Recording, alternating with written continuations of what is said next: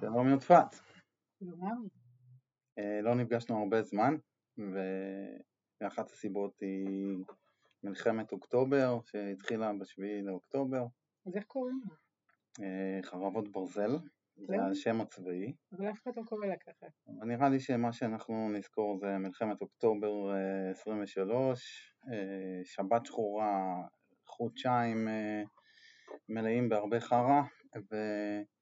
אבל גם הרבה דברים טובים גילינו על העם שלנו ועל האנשים שלנו אה, בתקופה הזאת, וכשחשבנו על מה לדבר היום, חשבנו שיש הרבה אנשים שמדברים על המלחמה ועל השלכות ובהקשר של המדינה ועל החטופים ועל העצב הגדול והשבר הגדול. חשבתי לדבר על התעשייה שלנו במלחמה, והיום אנחנו עושים פרק סופר אותנטי על אה, איך חברות, איך משקיעים, איך יזמים ויזמות, איך אה, בורדים אה, מתפקדים במלחמה הזאת. אז נתחיל? שזה עוד לא היה לנו. לא היה לנו, ואני זוכר שבפרק הקודם אה, דיברנו על אה, נו כבר אה, איזה מקרו כבר יכול ליפול עלינו, הנה, נפל עלינו חתיכת מקרו ששינה הכל, נכון? הכל השתנה. לגמרי, בפעם האחרונה שהקלטנו אה, פרק זה היה בעולם אחר. זה היה בעולם ש-SVP נופל היה אירוע סופר משמעותי, כן? שדיברנו על המלחמה הנוראית באוקראינה מרחוק, והנה נמצאת אה, שני, שני מטר מהבית עם השלכות חמורות על כל אחד מאיתנו. אומרים לפעמים שבמצב קטסטרופה, שמכניסים עוד עז לבית, זה נראה כאילו העולם הולך וחרב, ופתאום מוציאים את העז הזאת ואתה חושב שהכל נפלא, אבל בעצם החזירו אותך למצב הקודם. כן. אז מי מאיתנו לא היה רוצה באמת לחזור לשישה באוקטובר עם ההפיכה המשטרית ועם המצב המשבר הכלכלי ולהגיד אוקיי, אנחנו נתמודד עם זה? נראה כן. לי שכולם. הלוואי, הלוואי. אז, אז בואו נתחיל לדבר על פרספקטיבות של, נתחיל בפרספקטיבות של משקיעה בזמן אה, מלחמה. אז איך, אה, איך החיים שלך מ-7 לאוקטובר בצהריים? אז החיים שלי כמשקיעה הם לא יכולים להיות אה, בנפרד מהחיים שלי כאימא, כראיה, כחברה, כאזרחית, והכל פתאום התערבב ל-24 שעות של אה, סערה. ובעצם, אתה יודע, למדנו לבגרות פעם באנגלית On My Sons, כן, כן. אז אה, ככה, ככה אני מרגישה. חברות זה הילדים שלנו, והילדים שלנו זה הילדים שלנו, וה, והעם שלנו, והמפונים, והחטופים, והכל קיבל, בעצם אנחנו מנסים לתת להכל את אותה תשומת לב. ובחודש הראשון זה באמת היה סוג של אה, בופה, אוקיי? חטפנו מהכל, רצינו להיות בהכל, להספיק את הכל, לתת מענה לכל הדברים. להיות מאוד מאוד מאוחדים, להיות מאוד uh, עסוקים כדי שהימים יעברו, כי בעצם לא ידענו איך להכיל את כל מה שקורה. ואותו דבר היה בחברות, בעצם עשינו איזה, רגע, סטופ עמודו, צריך קודם כל לבדוק מה כולם, מה, מה קורה עם כולם. וכמו שאתה יודע, הקמנו uh, קבוצה של כל המנכ"לים, והתחלנו מהבייסיק, אתם בסדר? Uh, העובדים בסדר, המשפחות בסדר, הילדים בסדר, התחלנו מהמאסלו, כאילו איך כולם, איך הם מרגישים, אם יש לכל אחד את כל מה שהוא צריך, אם כל העובדים נמצאים, אם חס וחלילה מישהו נרצח, נפגע, נפצע, אה, נחטף, זה היה כל כך אה, טראומטי, וברגע שהתחלנו לסדר את הכוחות והבנו איפה כל אחד עומד, אתה מתחיל להתעסק ב, ב, ב, בחברה עצמה, בביזנס עצמה, בדברור של הדבר הזה, הדברור הפנימי ואחרי זה הדברור החיצוני. ובעצם משם אה, בונה, אתה בונה תוכנית, אני התחלתי לבנות תוכנית עבודה עם החברות ועם הקרן שמתאימה, אני מקווה, לכל חברה באופן נפרד. להגיד לך שזה לא משתנה? זה כל יום נראה אחרת לגמרי.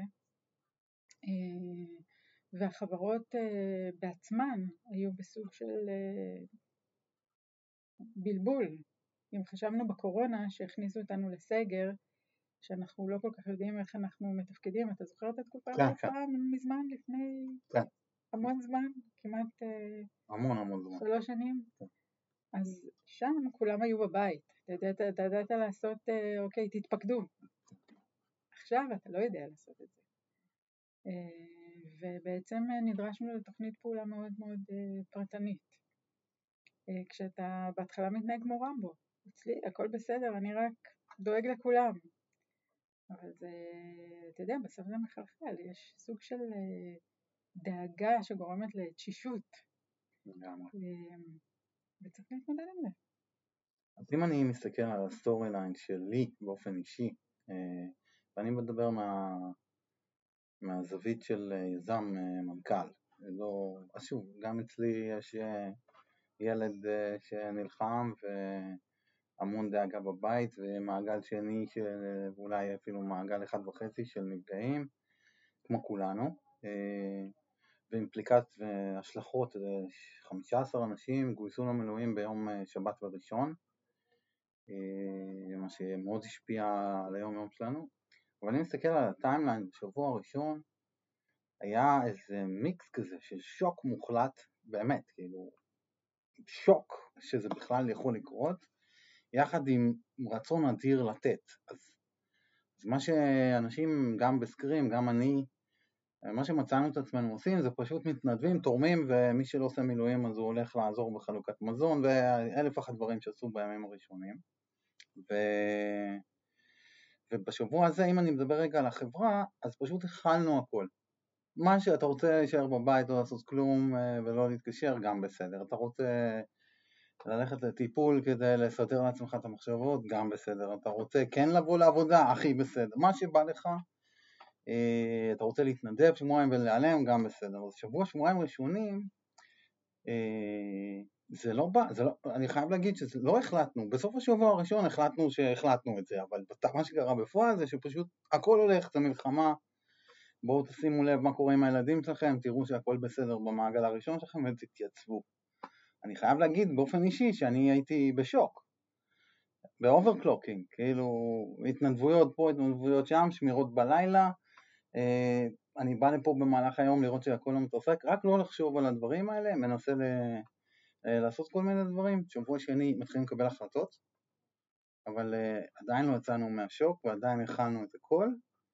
ואז בסוף השבוע השני היינו כבר, אין ברירה, צריך לנצח גם במלחמה של הכלכלה, ואתה מקבל החלטות קשות, שינוי פריוריטי מ-A to Z, uh, בבת אחת uh, עוד מהשבוע הראשון, אבל לא הבנו את זה, לא הבנו שהחלטנו את זה, החלטנו את זה באמת בשבוע השני, הלקוחות שלנו יקבלו את השירות הכי טוב שהם קיבלו בחיים. למה? כי אין כזה דבר שבגלל שאנחנו בישראל במלחמה, הם לא יעבדו פרפקט והם לא יחשבו שהטכנולוגיה הישראלית זה לא הדבר הכי טוב אה, תחת השמש.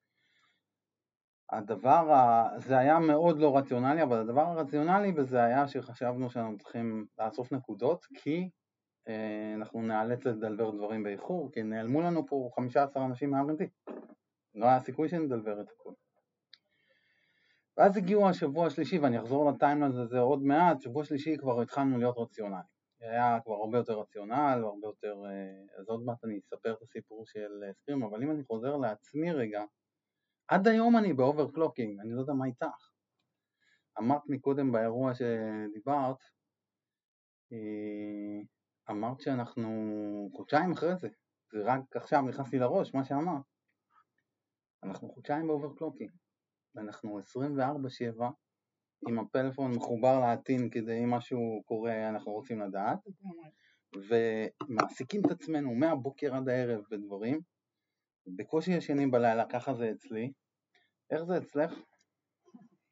אני, אני, אני שומעת את עצמי מדברת כשאתה מדבר. תראה, העשייה היא ב over מטורף, היא חייבת להיות. כי אחרת אנחנו, כשאנחנו עוצרים, אנחנו חושבים על כמה רע. ואנחנו לא יכולים להרשות לעצמנו לחשוב על כמה רע, כי יש לנו כל כך הרבה אחראויות בחיים. וגם אנחנו לא אנשים כאלה. מתי פעם שמת את עצמך מעל הראש, כמו שדיברנו קודם, ואמרת, זהו, גמרתי, לא בא לי יותר. בחיים לא. אבל כמה היית רוצה לעשות את זה בחודשיים האחרונים? יש, יש איזה craving ללכת, להשתבלל ולהתכרבל. אגב, ראינו את התופעה הזאת, גם פה, יש אנשים שהדרך שלהם להתמודד הייתה להשתבלל והיה צריך להכיל את זה איזושהי תקופה. זה לא המודוס אופרנדו שלי ובטח לא שלך. נכון. אז, אז כן, היינו ב overload מטורף של מטלות אני חייבת להגיד לך שאם אנחנו מדברים על שוק ההייטק בכלל, אולי הדבר הכי טוב שקרה מההתארגנויות הקודמות מאז ה-4 בינואר, שבעצם היו קבוצות וואטסאפ לכל דבר. אתה יכולת להעביר משימה, מטלה, הערה, בקשה, אה, בקשת תרומה, עצה, בשניות זה הגיע למאות אה, ואם לא אלפי אנשים וזה היה הדבר היחידי שהחזיק אותנו בימים הראשונים מכיוון שבהתחלה הייתה, היה היעדר אינפורמציה ואחרי זה היה עודף אינפורמציה. והמעבר בין news ל fake news היה במצב של שניות. וההתארגנות שהייתה בשוק ההייטק אה, שבעצם הולידה אחרי כמה שעות את החמ"ל האזרחי היא בעצם זו שהפעילה את כל מה שאנחנו בעצם אה, עושים היום ויצרה איזה אחדות מטורפת בשנייה. אה. בשנייה כולם גייסו אה, כסף, בשנייה כולם הביאו בגדים, עפו עוגות, פתאום התחלנו, אתה יודע, עם, ה... עם האוכל, הביאו, הסיעו, לקחו משאיות, הכל פתאום הסתדר. ופתאום הבנו שהכוח של, ה... של העם של ההמונים הוא הרבה יותר גדול ממה שהוא היה קודם. התארגנו לפני זה להפגנות והיינו, אה, אתה יודע, בחברות, בגיוסי כסף והכל, וזה היה נורא נורא חשוב, אבל פתאום אתה רואה שכשיש אויב חיצוני אנחנו כולנו מסתדרים בשורות, יודעים בדיוק מה לעשות, זה היה מדהים. ואני חושבת שזו העוצמה שלנו, וזו העוצמה שלנו כ- כמשקיעים וכיזמים וכעובדים, אה, ואנחנו חייבים לשמור על המומנטום הזה. אם יצא משהו טוב מכל הרע הזה, ויש כל כך הרבה רע כרגע, זה היכולת שלנו לעשות הרבה יותר ממה שחשבנו שאנחנו יודעים לעשות. וצריך לטייב את זה לדברים שבעצם יצמיחו אותנו מחדש כ start-up nation. אני לא, זה לא קלישאה, אני ממש מאמינה בזה. ב, בכל דרך אפשרית. אנחנו חייבים להחזיר לעצמנו את, ה, את הזוהר של שוק ההייטק בישראל ולהניע את כל קטר ההייטק העולמי. זה הדרך היחידה שלנו להגיד לעולם אנחנו פה, אנחנו בשכונה הכי קשה והכי קשוחה והכי איכס שיש בעולם, באמת, תראה לי עוד מקום כזה, שכולם רוצים שהישראל הקטנה הזאת, התשעה פקקטה מיליון איש, לא יהיו כאן, או לפחות שבעה מהם, כן. ואנחנו ננצח את זה, אני יודעת שננצח את זה. חייבים. איזה ברירה יש לנו? אתה תלך מפה? לא, לא, אני לא... גם אני לא אלך. עוד התכוונתי ללכת גם, אה, גם קודם. בדיוק. וגם, ותראה, ואנחנו מגלים שהילדים שלנו, גם הבן שלך בצבא וגם שני הבנים שלי אה, בצבא, הם אנשים מדהימים, אה. אבל הם לא יצאו מהמלחמה הזאת כמו שהם נכנסו אליה. ותהיה לנו פה אחריות נורא גדולה, את הדור הבא של הסטארט-אפיסטים והדור הבא של העובדים בחברות ההייטק, לעזור להם להבין את המטרה, וזו המטרה. כי אחרת תהיה פה התבדרות בין היכולת שלהם להגיע לגבהים נורא גבוהים לבין התסכול של המקום שבו אנחנו, אנחנו חייבים לצמצם את הפער הזה ולגרום לזה שזה פשוט לא, זה, זה non issue. זה כן. פשוט non issue. אנחנו שמענו את הנתונים, גם אתה וגם אני, על עלייה מאוד גדולה שתהיה כאן אה, בשנה הבאה. זאת תהיה עלייה מאוד שונה ממה שהייתה בתחילת שנות ה-90, ואנחנו צריכים גם את זה לתעל לתוך תעשיית ההייטק ולראות איך אנחנו יכולים להרוויח מזה באופן החיובי למה שאנחנו עושים, אה, למה שאנחנו עושים כאן היום, גם בפיתוח קשרים שיש אה, לאותם אנשים שהגיעו לכאן מכל העולם. אנחנו רואים גלי אנטישמיות שלא ראינו כבר המון שנים, ואנחנו מדברים על מאה שנים מאוד בעייתיות, כן? כן. זה עליית המפלגה הנאצית, זה בדיוק מאה שנה אחורה. כן. אנחנו רואים גלי אנטישמיות מאוד מאוד מאוד קשים שיש היום ברחבי העולם, ואנחנו חייבים לעשות מהלימון הזה לימונדה לטובת אה, מדינת ישראל. היום אנחנו כבר מדינה ריבונית, ורק במרח... בסוגריים, כשכולם קוראים למה שקרה שואה, האמת, זה מעצבן. זה מעצבן. מדינה ש... אה, עם שיש לו מדינה ריבונית, וממשלה, וצבא חזק, זה לא קורה במקרה, זה לא שואה, כן, כן, אני... קודם כל שואה, שוב, מה שאני חושב על זה, השואה זה השואה, וזה רק היא. מה שקרה פה, אנחנו, יהיה פה איזה קריאיטיב שימצא לזה שם, אבל זה לא שואה, זה יום שחור שימצאו לו פה את השם, אנחנו נזכור אותו לדיראון עולם, אנחנו נעשה פה תחקיר מה, מה קרה לנו ש... שאפשרנו שזה יקרה לנו במדינת ישראל החזקה והריבונית ונצטרך צריך לתת משמעות ל-never again, אבל אמיתית, ולא, ולא רק כסיסמה. איזה, אחד הדברים שציינת ואני רוצה לחזק זה שאמרו כל מיני דברים על דור הטיק טוק ודור המרמלדה וזה לא... אלה, אלה חיילים שלא הרצו... Work-Life Balance, אתה זוכר שדיברנו כן, על זה באחד כן, הפודקאסטים? כן. המתכננים עובדים? כן, והם באמת אנשים מאוד שונים מאיתנו, אבל הם מתגלים כאריות ונמרים ולוויות ו... ויגואריות ואלף אחד סיפורים, אנחנו נדבר ספציפית על זה עוד מעט, יש אייטם שלם בפודקאסט שלנו על אנשים מזווית שאני חושב שלא מדברים עליה מספיק, אה, נחזור לזה אני מבטיח, אבל בואו רגע נחזור להייטק, אז מעבר למספרים של העלייה, יש גם מספרים של מה קרה, המלחמה הזאת גם עשתה עצירה נוספת עוד יותר חריקת דמים בהשקעות בהייטק הישראלי, אז, אז מה המספרים באמת עכשיו ברבעון הזה? ובזמן שאת אה, פותחת פה את הפרזנטציה הענקית על הפלזמה, אה, אני רק אגיד שבאחד השידורים הקודמים שלנו דיברנו על זה שיש מדבר גובי והתחילו להיות אה, נווה מדבר פה ושם והתחילו לראות סימנים ראשונים של השקעות ברבעון השלישי, באמת היה התחלה של קצת יותר אופטימיות ואז הגיע סוף הרבעון והשביעי באוקטובר, אז מה המספרים? נכון, אז אנחנו צריכים לזכור שבעצם מתחילת השנה אנחנו רואים uh, סוג של ירידה. אתה ואני דיברנו על זה שבאמת אנחנו מתחילים להרגיש שהמשקיעים מתחילים לחזור, הם מבינים את הייחודיות שיש להייטק uh, ולטכנולוגיה והם צריכים להתחיל לרכוש כי 22 הייתה שנה, שנה מאוד קשה לכולם. אבל מה שאנחנו רואים מאז שהתחילה המלחמה, שזה לא חריגת בלמים, אלא לקחו את המושכות, עצרו אותם והסוס נעמד באותה הקפה. כמו שהתחיל ללכת ברוורס. אוקיי, אבל אנחנו יודעים שאחרי כל סיטואציה כזאת יהיה, יהיה את ההופכי שלו. מה שאנחנו ראינו, המספרים שאנחנו רואים ברבעון השלישי וקצת אחרי זה ירידה מאוד גדולה במספר חברות שנפתחו. ובינינו זה די טבעי, אוקיי? לא היית מצפה שתהיה פה עכשיו פריחה של אה, מספר חברות, כולם יגידו, אה, ah, עכשיו בא לי סטארט-אפ, כאילו אם היה לי קשה עד היום אז בוא נעשה את זה קצת יותר קשה, אני חושבת שהטולרנס של האנשים בסיטואציה הזאת היא מאתגרת, אבל אני יכולה להגיד לך שמתוך המטה האזרחי, במיוחד מכל מה שהיה קשור למציאת הנעדרים והחטופים בשלושה שבועות הראשונים, קמו רעיונות יפהפיים של אה, זיהוי, גילוי, כל מה שקשור ל-DNA, על הגבול שבין cyber security ל digital health, כל, כל הסקאלה הזו התמלאה ברעיונות חדשים שאני בטוחה שבעוד רבעון שניים אנחנו נראה אנשים שאומרים אוקיי עכשיו אנחנו בתקומה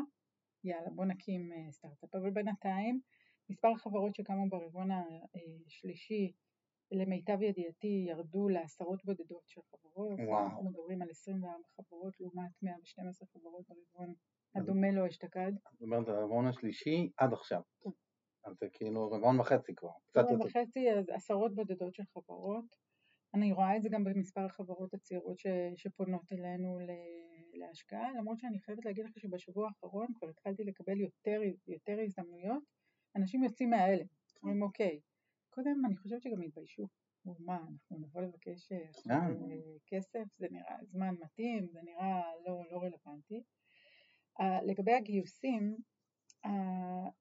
מה שאנחנו ראינו היו בערך, אה, ברבעון השלישי בלבד, היו בערך 90 סבבי גיוס בשווי של 1.7 מיליארד דולר, שזה בעצם מיליארד פחות ממה שראינו בשנה שעברה. אוקיי. Okay. וזה קצת קונסיסטנטי עם מה שראינו באופן כללי בשנה. נכון, זה בערך ירידה של 35 עד 40 אחוזים ממה שראינו. כן. אבל אם זה יהיה גם עד סוף הרבעון הזה, אז אה, ירידה... אם זה יהיה עד סוף הרבעון הזה, אנחנו מדברים כבר חציון. כן, כן. חציון ירידה, אתה משנה לך את הנתונים של כל השנה. כן. אנחנו אה, רואים הרבה פחות אקזיטים, אה, ופה צריך להוריד את הכובע בפני אה, פלו אלטו והקטר שמנסים אה, להוביל, לטובתם אמנם, אבל כן, אבל צריך גם, להגיד להם תודה. גם ליזמים של, ולחברה של טלון ודיג, כל נכון, הכבוד להם. אקזיטים אה, מרשימים מאוד. ויש אקזיטים נוספים שאנחנו רואים בעשרות בודדות של אה, מיליונים. 40, 50, 80. צריך לזכור שאנחנו מדברים על מכפילים לאבידה ומכפילים ל-ARR מאוד מאוד נמוכים בתעשיות השונות בעולם ה-B2B שאני מכירה, את ה-B2C אני פחות מכירה, שיורדים כבר מינואר 22, אבל אנחנו ראינו פה חתיכת אה, מכה בעקבות הרבעון השלישי ובעקבות המלחמה, אז אנחנו רואים את זה יורד ואנחנו ברבעון הרביעי לצערי אנחנו נראה ירידה נוספת. אני מאוד מקווה שמשקיעים, גם זרים וגם ישראלים, יבינו שב-2024 הגיע הזמן להתחיל אה, לחמם מנועים מחדש. רבעון שני כבר אנחנו נראה אה, יותר אה, תנועה, יותר השקעות, יותר יצירתיות בשוק ההייטק. אני מאמינה שהיא תהיה קונסולידציה של טכנולוגיות. אתה היית חלוץ בזה עם מיזוג של פאנופלי לתוך סקרים, אבל אני חושבת שאנחנו נראה יותר קונסולידציות בחברות בוורטיקלים דומים. אה, וחברות שינסו להקים פלטפורמות. זאת אומרת, כבר לא יהיו חברות של פיצ'רים במוצר, אנשים יבינו שהם צריכים לעשות משהו גדול באמת, ואנחנו נראה את היזמים חוזרים לבקש השקעות יותר גדולות ממה שהיה קודם. מה שציינת לגבי uh, מקבילים, מדברת על השוק הישראלי, כי בעולם אפשר לראות התייצבות של מכפילים ואולי אפילו עלייה במקומות מסוימים. במקומות מסוימים כן, אה, אתה רואה את זה בשני האקזיטים האחרונים של טלון ודיג במכפיל אה, ל-ARR המשוער, אוקיי? כי הם חברות פרטיות ולא באמת פרסמו את המכפילים הנכונים, אבל כשאנחנו רואים חברות אמריקאיות שאנחנו מתעניינים להשקיע, הם עדיין אומרים להם, חברים, אנחנו לא, לא יצאנו מהמשבר. באמת לא יצאנו מהמשבר, הריבית לא ירדה, אין יותר כסף שזורם להייטק, יש אלטרנטיבות אחרות להשקעות בהון סיכון, אז אנחנו לא כאלה נדיבים עם ולואציות. ואנחנו רואים גם את החברים שלנו בקרנות האמריקאיות האחרות שעושים השקעות מחוץ לישראל, לא מאוד נדיבים עם ולואציות. יש עדיין תחומים כמו סייבר למשל, או כמו דאטה למשל, וכל הטירוף הזה של ה-AI כרגע, שכן מקבל מכפילים יותר גבוהים, אבל זה צריך אה, להיות אה, מוצדק, כלומר ה-use case מעניין, שוק נורא גדול, אה, ואנחנו לא דיברנו על מה שקרה עם OpenAI, כן. אני רואה שזה עומד לך על קצה הלשון. לא מה שרציתי להגיד, שאנחנו היום לא נדבר על OpenAI, אבל כן. וואו. ואני מחכה מאוד לסדרה, לסרט ולספר, אבל אנחנו נכון, נדבר על זה. לגמרי, ואתה תראה שזה יזיז את השוק לכיוון אחר, מכיוון שמייקרוסופט לא תשב על הגדר עכשיו. כן. זה הזמן שלה, היא עשתה מהלך פה מאוד מאוד מתוחכם, מאוד חכם, מאוד מעניין. אה, היא שחקן אה, M&A מטורף בשנים האחרונות, ואני חושבת שגם פה הם יעשו את זה. הם עשו אקוויהייר שלא לא היה כמותו. אני עוד לא יודע אם הסוף של הפרק הזה ב-OpenAI נכתב, אבל מה שהם מצליחים לעשות בסוף שבוע אחד, יש חברות שאיזה עשר שנים אה, עושים ארבע פיבוטים ושינויים. אתה יודע, יכול להיות שזה באמת, זה נורא מעניין מה שאתה אומר. כי יכול להיות שמה שקרה בשנתיים האחרונות מאז הקורונה, שעבדנו בקצבים אחרים לגמרי ולמדנו לעבוד מרחוק, שמאוד משפיע על כל מה שאנחנו קוראים, הכל קורה נורא מהר. המטבעות עולים ויורדים נורא מהר, החברות, אה, קורים בהם דברים נורא נורא מהירים, גם בטכנולוגיה, ה-OpenAI ו- ChatGPT פתאום פרץ לעולם שלנו אה, בהייפ. אנחנו ידענו שזה מגיע, אבל כשזה בא זה בא. מלחמה קורית נורא מהר, הכל כאילו בוואו, במגניטוד שלא, שאנחנו לא זוכרים אותו כל כן. עדיין אני חושב שהם שברו שיאים שם במה שקרה ו...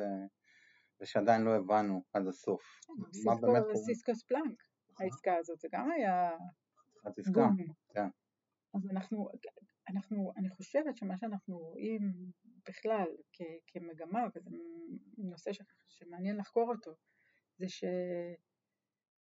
תהליכי קבלת ההחלטות הם הרבה הרבה הרבה יותר בומבסטיים, אוקיי? הכל יש איזה דרמה עצומה נכון. לידו בכל רגע. נדרשים אנשים אמיצים. כן. אני מקווה שלא טיפשים, אבל נדרשים אנשים אמיצים לקחת החלטות מאוד מאוד גדולות. לקנות חברה במיליארדים זה וואו. להיכנס למלחמה עם מייקרוסופט זה וואו. כן. אה, אז אני חושבת שהעולם בעניין הזה מקבל כן. איזה טוויסט. לגמרי.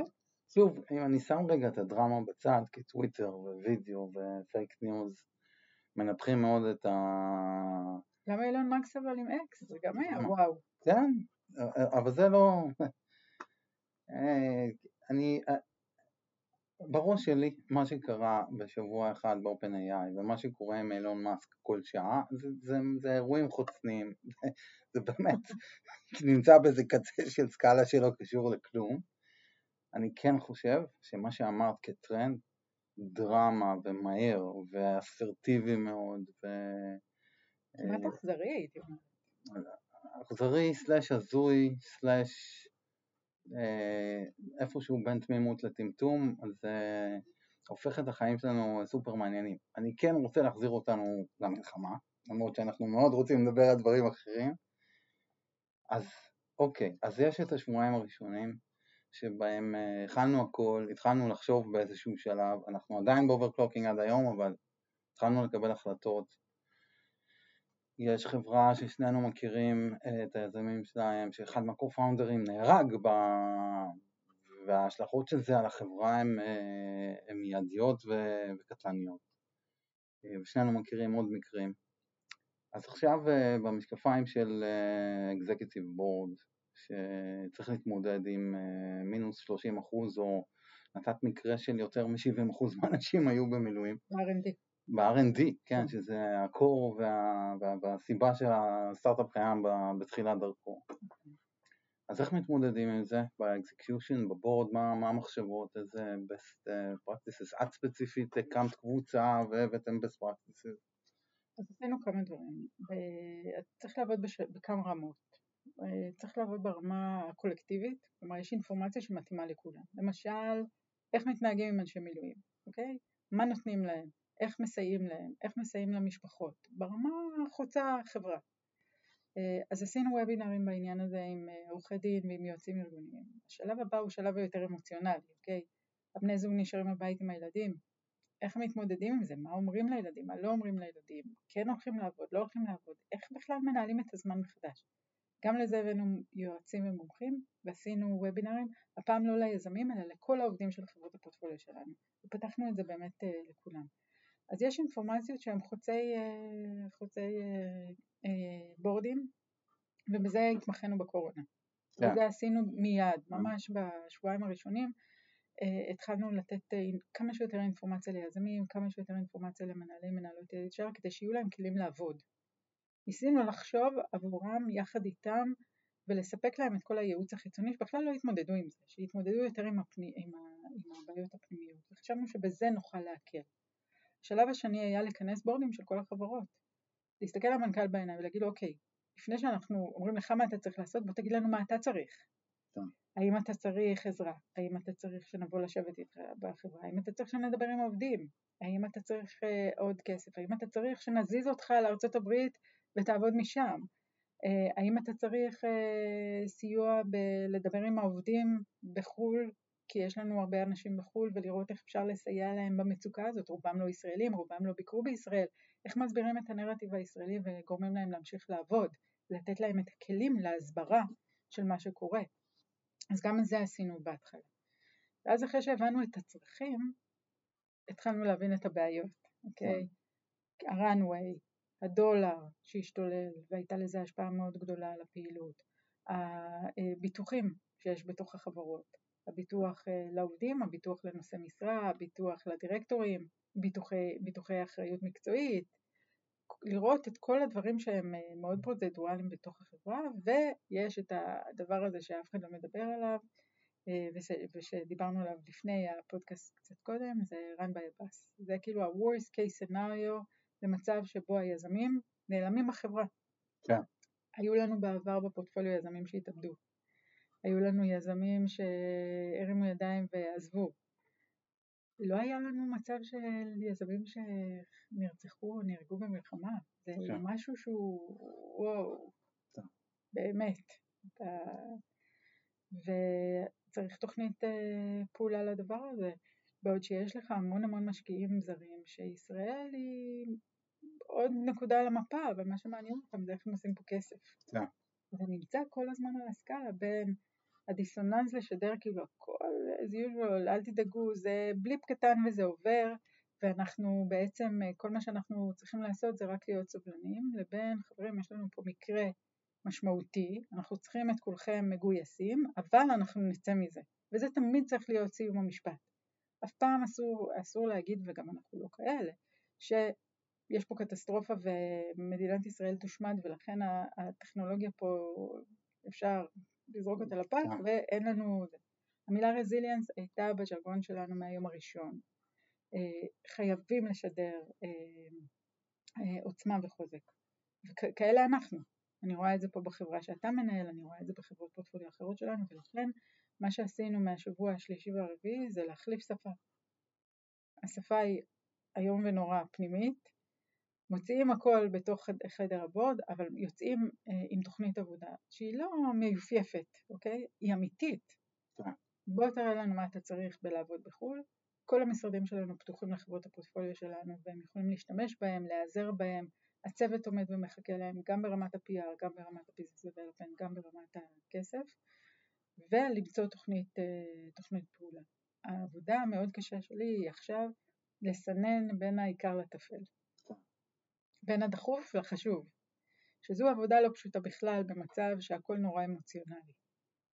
ואני חושבת שעיקר העבודה בשבועיים שלושה האחרונים, שאנחנו כבר בחודש השני של המלחמה, ובינינו יש שאומרים, השמועות בשוק אומרות, עד פסח אנחנו נהיה בסיטואציה כזאת. איך מושכים עוד שני רבעונים? כן.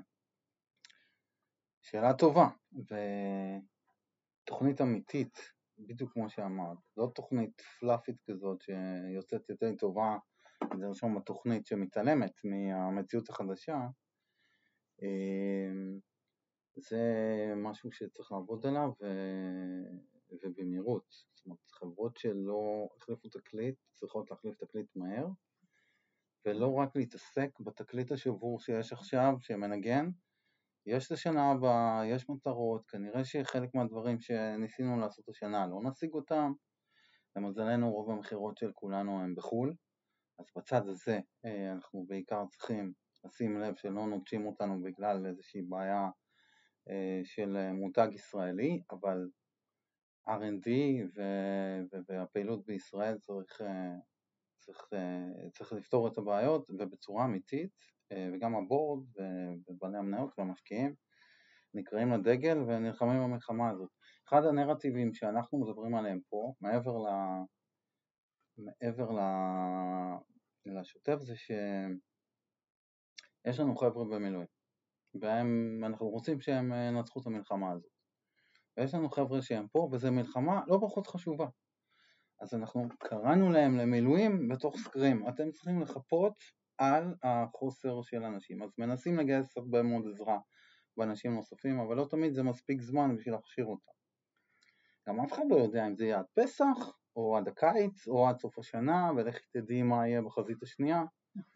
אז אתה, בתוך האי ודאות הזאת, צריך שהחבר'ה שנמצאים פה, הם צריכים להתגייס, והם צריכים לחפות, והם צריכים uh, לעשות מעל ומעבר, ולשמחתי פה בסקרים אה, אנשים נתנו ונותנים אה, מעל ומעבר, אה, וזה משהו שזה באחריות הבורד וההנהלה והיזמים ומי שמוביל את החברה כדי לקרוא את החברה. יש דברים נוספים שאפשר לעשות, אבל אנחנו כאילו קראנו לזה בואו למילואים פה, זה אחריות של לא, כולנו. אני זוכר שבקורונה, אני חושבת שדיברנו על זה באחד הפודקאסטים, אנחנו הצלחנו לזהות מנכ"לים שהם טובים במשבר, לעומת מנכ"לים שיודעים לעבוד כשהכול סבבה, הכל עובד לפי התוכנית. Yeah. כן. עכשיו אין הרבה סטארט-אפים שהכל עובד לפי התוכנית, גם כשאין משבר וגם כשאין קורונה וגם וככה. ובעצם מה שאנחנו רואים בתור של היזמים של החמש-שש שנים האחרונות, יזמים שהיו יזמים פעם ראשונה והם מתמודדים עכשיו עם משבר פעם שנייה, שהם הרבה יותר חזקים ממה שהם היו קודם. Yeah. כן. זאת אומרת, למזלנו היה קורונה. כן, לגמרי. אה, גם ה-best practices אה, יצא לי לדבר עם חלק מהיועצים, חלק מהיועצים אתם הכרתם לנו, אה, ומומחים נוספים בטיפול במשברים בסדר גודל כזה. המון best practices הגיעו מהחודשיים הראשונים או מהרבעון הראשון של הקורונה, שזה היה במידה מסוימת משבר אפילו יותר גדול, כי הוא היה כלל עולמי ו... אה, והיו לזה השלכות מאוד קשות גם על חו"ל. פה יש השלכות על חו"ל, אבל לא כמו... המלחמה הזאת היא מאוד מקומית. מה שאני רואה אצל מנכ"לים שהם יותר פעילים במשבר הזה, שהם יודעים להציל סמכויות. הם יודעים לזהות את אותם ראשי צוותים וראשי מחלקות אצלם, זה תלוי בגודל החברה כמובן, שהם יודעים להגיד להם, זה על הכתפיים שלך. עכשיו קח את זה קדימה, והם יודעים שזה מה שיקרה. זאת אומרת, הם יודעים לסמוך עליהם, הם, uh, they will deliver, ואנשים בחו"ל שהחברה חשובה להם, ופה ה-DNA של החברה כל כך בא לידי ביטוי, yeah. כן. וזה פשוט מדהים לראות חברה שהצליחה והשכילה לפתח תרבות ארגונית אמיתית, במין תחושת שליחות כזאת אצל כל העובדים. כן. לא סתם אתה הולך עם החולצה של סקרים אה, כל היום, כן. זה עובד. כשהצוות בחו"ל לוקח אחריות גם על דברים שקורים בישראל. כן. מהנושא של אה, פיתוח, גיוס, אה, הזרקת מוטיבציה, all hand שעושים עם כל העובדים שהם בעצם נותנים איזשהו חיזוק מרחוק, הצלחה יותר מהירה של עסקאות כי יש להם פתאום מוטיבציה להביא לכולם את, ה, את הרוח הזאת. ברגע שזה קורה, זה מדהים. הסטארט-אפ מגיע לגבהים שהוא בכלל לא חשב שהוא יגיע בשלב הזה, ואפשר כן. לגשר על הפער של הזמן שנלקח מאיתנו. הזמן הזה לא יחזור אף פעם. אנחנו לא נהיה אותם אנשים. לא. ואנחנו צריכים לדאוג להיות אנשים טובים יותר. בכל מיני מובנים. כן, אה, לגמרי, אצלנו הצוות בקוריאה נפגע קשות מהאירוע הזה, הם ממש אה, אה, היו כל כך ספורטיב ולקחו על עצמם, לקחו על עצמם משימות אה, בינלאומיות שבדרך כלל אה, עושים מישראל, הצוות האמריקאי היה סופר ספורטיב, אז, אז אה, אני חייב להגיד שאני מאוד נהניתי. אצלנו ספציפית, אה, ומעניין אותי מה ראית אה, במקומות אחרים, אה, אה, שרי אה, והצוות שלה אה, לקחו בעלות על האירוע הזה של המלחמה. אה, אה, שרי גילתה מנהיגות ופשוט יחד עם הצוות שלה השתלטו על האירוע גם בימים של השוק, כבר היה, התחיל להיות סדר בבלגן, מיד היה סד"כ של מילואים וטיפול גם במשפחות וגם במילואים, מיד היה להסתכל על מה עושים פה במקום האנשים שלא נמצאים, ואני חייב להגיד שאצלנו זה עבד מצוין, שזה כאילו, זה היה אחריות, אנשים ופרוססים בזמן המלחמה. אה, אה, ככה זה עבד, ואני כאילו הייתי כלי בתוך הכוח ש, שעכשיו עושים דברים, אז ישבנו, דיברנו, אוקיי, צריך לדבר עם כל המנהלים ולגייס אותם למשימה ככה, עמי זה התפקיד שלך. ואחרי זה שיחה עם כל החברה, והולנדס, ולעשות שיחה ספציפית עם האמריקאים שהיו ב... מאוד ספורטיב, אבל הם היו בשוק, ומה זה אומר לגבי העבודה שלהם, ומה זה אומר לגבי... הם, הם באמת אה, ראו תמונות נוראיות. צריך לתת להם אינפורמציה להסביר, כלים להסברה. כן, אז אה, ואיך להתמודד עם שאלות קשות של אה, פרוספקט ולקוחות. אנחנו למזלנו, גם הפרוספקט וגם הלקוחות וגם הפרטנרים שלנו תמכו בנו בגדול 99% מקיר לקיר, זה היה וואו. אז, אז זה היה מלחמת חרבות ברזל אה, זה בעיקר אה, משימה של אנשים ותהליכים אצלנו ושרי והצוות שלה פשוט לקחו בעלות והן ממשיכות, יש אה, עוד פעילויות ועוד יוזמות. מי שלא יודע, שלא מכיר את שרי האלופה, אז היא בעצם מנהלת בחברה את כל התחום של כוח האדם, אבל הרבה מעבר. אנשים, תהליכים, חדשנות ועם שרי אני בונה את החברה, שרי בונה איתי את החברה, אולי זה הסדר הנכון של הדברים. אז זה, זה נקודה מאוד, זו נקודה מאוד מעניינת, אני חושבת שראינו כבר בקורונה שלמנהלי ומנהלות ה-HR בגדול, Head of People או איך שתקרא להם, זה אנשים שאם אתה נותן להם את האפשרות ליזום ולהיות יד ימין של המנכ"ל, לעמוד לצידו ולא מאחוריו ולחשוב, אתה יכול להוציא כל כך הרבה יותר מאשר רק גיוס. לגמרי. וגילינו שם אנשים, אנשים מדהימים, כלומר כל הנושא של האדמיניסטרציה הפך להיות פתאום חלק מה, מהליבה של החברה. ואני חושבת שכל הזמן דיברנו טכנולוגיה, טכנולוגיה, טכנולוגיה, דיגיטציה, קצת שכחנו להגיד את המילה אנשים. ובשני המשברים האחרונים שראינו, אנחנו הבנו שאם יש אנשים טובים אתה יכול להתגבר על כל תהליך. ובחודשיים האחרונים אנחנו רואים את זה אפילו ביתר שאת. כן. אנשים שהחברה חשובה להם, גם שהמצב בבית הוא מאוד מאתגר, יעשו את הכל בשביל, לא בשביל להציל את העבודה שלהם, זה הרבה מעבר לזה, זה בשביל להציל את החברה שהם מאמינים בשליחות שלה, במטרה שלה, ביעדים שלה, במשימה שלה, וזה פשוט אה, מדהים, מדהים, מדהים. וזה כן. גורם גם לסלקציה הפוכה דרך אגב. כן. אנשים שלא אכפת להם, ושהם לא בתוך הסיפור ולא בעניין, הם נושרים. נכון, מה זה לא נושא? נושרים. לא נשארים ולא יישארו.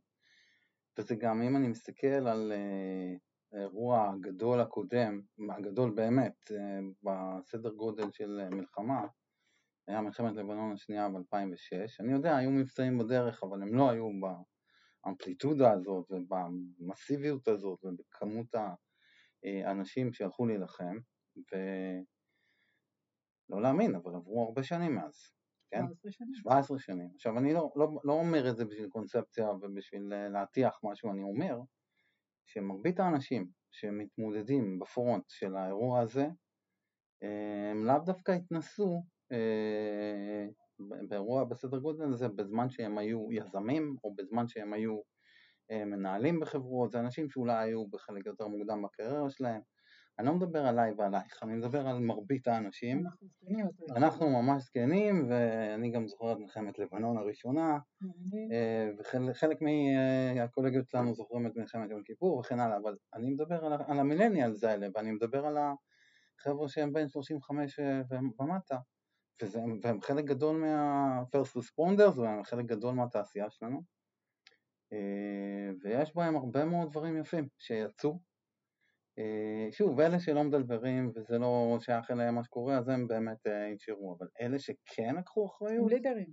אלה האנשים שיובילו את, ה, את התעשייה שלנו ואת החברה שלנו קדימה, וזה היה נהדר לראות את זה, באמת. אני כל כך איתך. אני חושבת שיש, אה, תהיה פה איזו סלקציה טבעית בתוך החברות, בחזרה לערכים שקצת איבדנו בתעשייה שלנו בשנים האחרונות. אה, החשיבות של הכסף בא על חשבון המצוינות וההישגיות, כן. ואני חושבת שאנחנו קצת חוזרים למקום שאני מרגישה איתו יותר בנוח, של שליחות, של יעדים, של מטרות, של אה, ולמה אני עושה את זה? כן, ואני באמת רוצה לעשות, לפתח משהו שישנה את העולם, וזה לא כן. משנה באיזה תעשייה אתה עושה את זה. והיכולת שלכם כיזמים לרתום אנשים לבוא למאמץ הזה, להצטרף לדרך המאוד לא פשוטה הזו, עזוב אותך אה, השפעות אקסוגניות, מלחמות קטנות, אה, איזה מגפה אחת או שתיים, אלא באמת ללכת אה, ולשנות את העולם, היא מקבלת מימד אחר לגמרי, ואני חושבת שזו העוצמה של היציאה מהמשבר, וזה מה שיהיה, אני יודעת שזה מה שיהיה. פגשתי את אחת העובדות שלך שהיא בהיריון. Mm, ויש לנו יזם שנולד לו עכשיו אה, בן. הוא אמר לי לאיזה עולם אני מביא אותו, ושמעתי את אותו דבר גם כאן.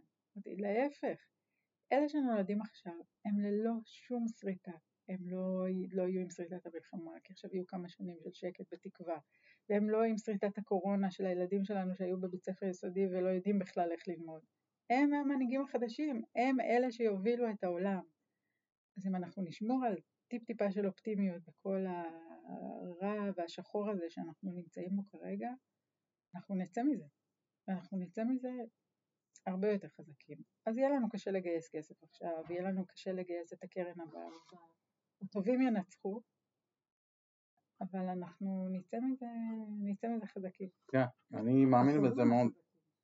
אחד הדברים שהיה כרסום בתעשייה, אנחנו דיברנו על זה בפרקים קודמים, כל הקטע הזה והתהליכים הקוראים שהחברה שלנו עברה מתחילת 2023, מהפכה משפטית, משפטית אצטרה, היה כרסום קצת ב- ביחד, והיה כרסום קצת ב... ודיברת על זה בהתחלה, אנחנו מגלים פה שאנחנו קורצנו מאותו חומר, אנחנו אותו עם, ולמרות דעות מאוד מאוד מנוגדות בכל מיני נושאים, מצאנו את הדרך להתחבר, ו... וברור שאנחנו ננצח את זה ונבנה משהו חזק והרבה יותר טוב אה, ואופטימי. אז אנחנו אה, לא הספקנו כל מיני דברים, אז אני, יש דבר אחד שאני כן רוצה להספיק, ולדבר קצת על נשים הלוויות. ועל הלוויות המדהימות שהיו כל הזמן, כן? אה, שני- שנינו יודעים, שנינו יודעים שלוויות אה, לא חסר כל הזמן, אבל אה, אני רוצה לדבר על זווית אה, שמאוד חשובה לי בעניין הזה. אז הלוויות תמיד היו לוויות והם יכלו לנצח עם טנק את כל האויבים כי הם לוויות אבל אחד הדברים שאני רוצה להדגיש ואני לא חושב שהם מדגישים מספיק וזה מאוד חשוב לי שזה לא רק בגלל שהן לוויות אה, כמו אריות הן לוויות כי הן לוויות והן חושבות בצורה שונה והן מביאות אה, שיטות וגישות והסתכלות על בעיות מזוויות אחרות לגמרי אה, ואנחנו רואים את ההצלחה הפנומנלית שלהם בכל אספקט של אה, מה שקרה מה-7 לאוקטובר, גם בגלל שהן חושבות אחרת. ואחד הדברים שאנחנו צריך לצאת ממנו לגמרי זה הקונספציות האלה שהן משתקות אותנו ולא נותנות לקריאטיביות לקרות. אנחנו צריכים להכניס הרבה יותר נשים למקומות שמקבלים החלטות אסטרטגיות במדינת ישראל בכל תחום כדי שהחשיבה תהיה שונה ושהיא כל הזמן תבחן את עצמם, תבדוק את זה, ואני חושב שלא מדגישים את זה מספיק. כשאני רואה את הסרטון הזה על כמה לוויות לוויות, זה יותר כאילו קונטרה לאריות, הן יודעות להילחם, והן יודעות להציל יישוב, והן יודעות... עכשיו, לא מדברים מספיק על זה שהן עושות את זה לא רק בגלל שהן לוויות, אלא בגלל שלוויות חושבות אחרת. והן לא רק עושות מה שהאריות עושים, הן עושות דברים שהאריות בכלל לא חשבו לעשות. אז תרשה לי להכניס גם קוץ בה. יאללה. אני איתך לגמרי, אוקיי? זה לא קורה מספיק.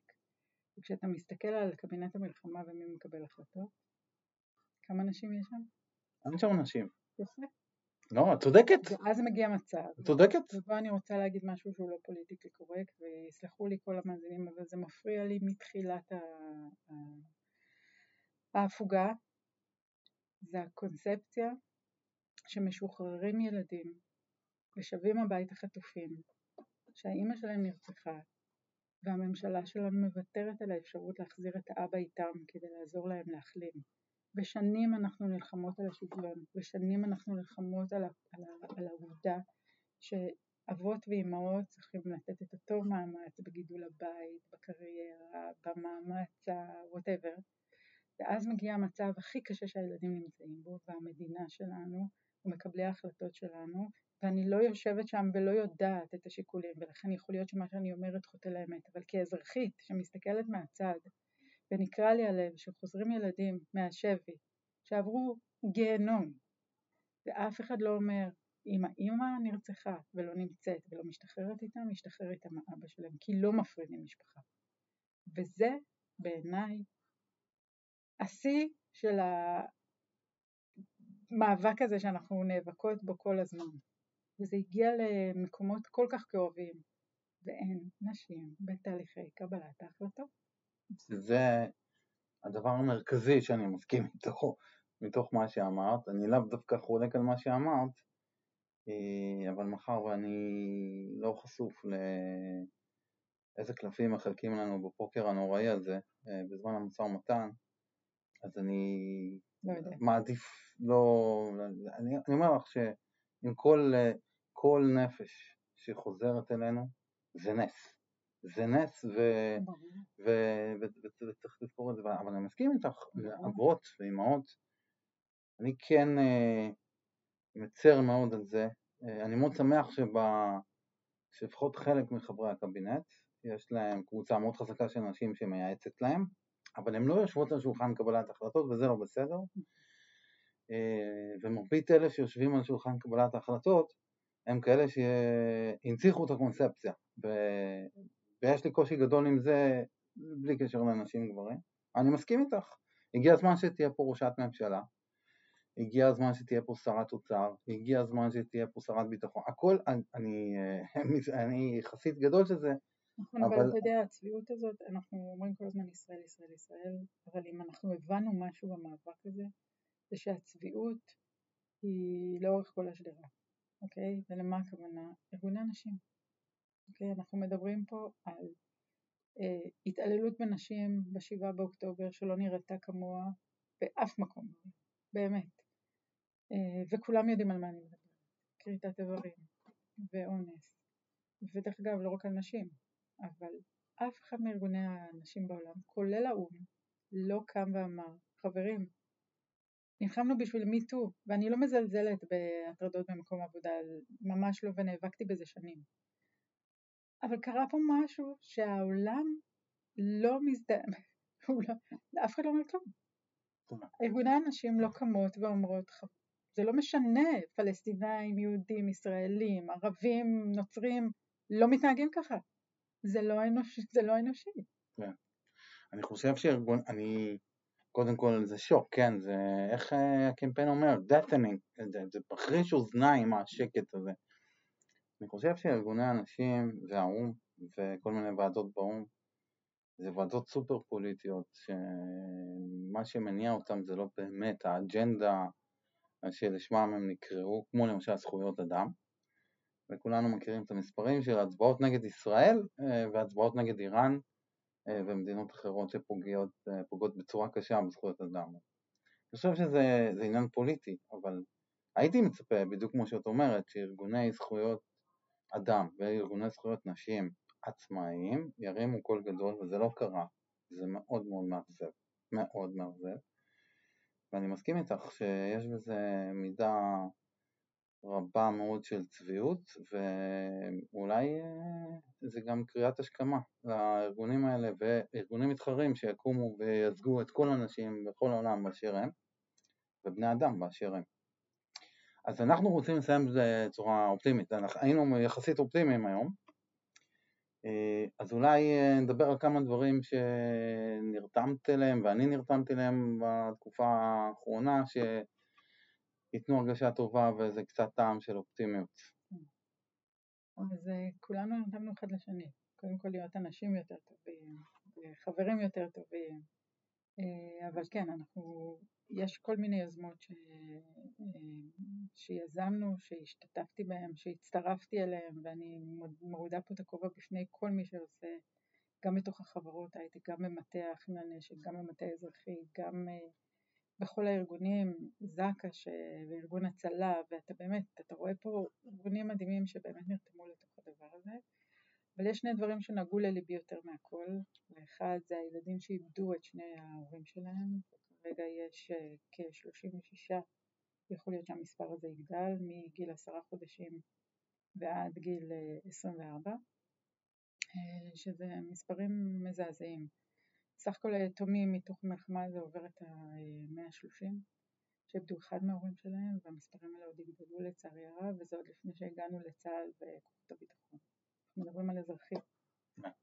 אה, זה מאוד נגע לליבי, ואנחנו מקימים כרגע יוזמה אה, עמותה שהולכת אה, לעזור לילדים שאיבדו את שני ההורים שלהם אה, ולנסות ליצור מצב שבו הם לעתיד שלהם לא יצטרכו לדאוג ויהיה להם מנטור ויהיה להם אה, כסף ש... איך אמרנו בהתחלה כל מי שיתגבש ליוזמה הזו שאנחנו נרצה לתת להם את מה שהיינו נותנים לילדים שלנו. וזה הרעיון המכונן זאת בהתהוות עם אנשים מאוד מאוד מאוד טובים ש... אתה יודע, אמרו אנחנו הצלחנו ועכשיו אנחנו הולכים להעביר את זה הלאה אה, ואנחנו נעזור, נצטרך פה הרבה עזרה. והפרויקט השני הוא פרויקט המפונים.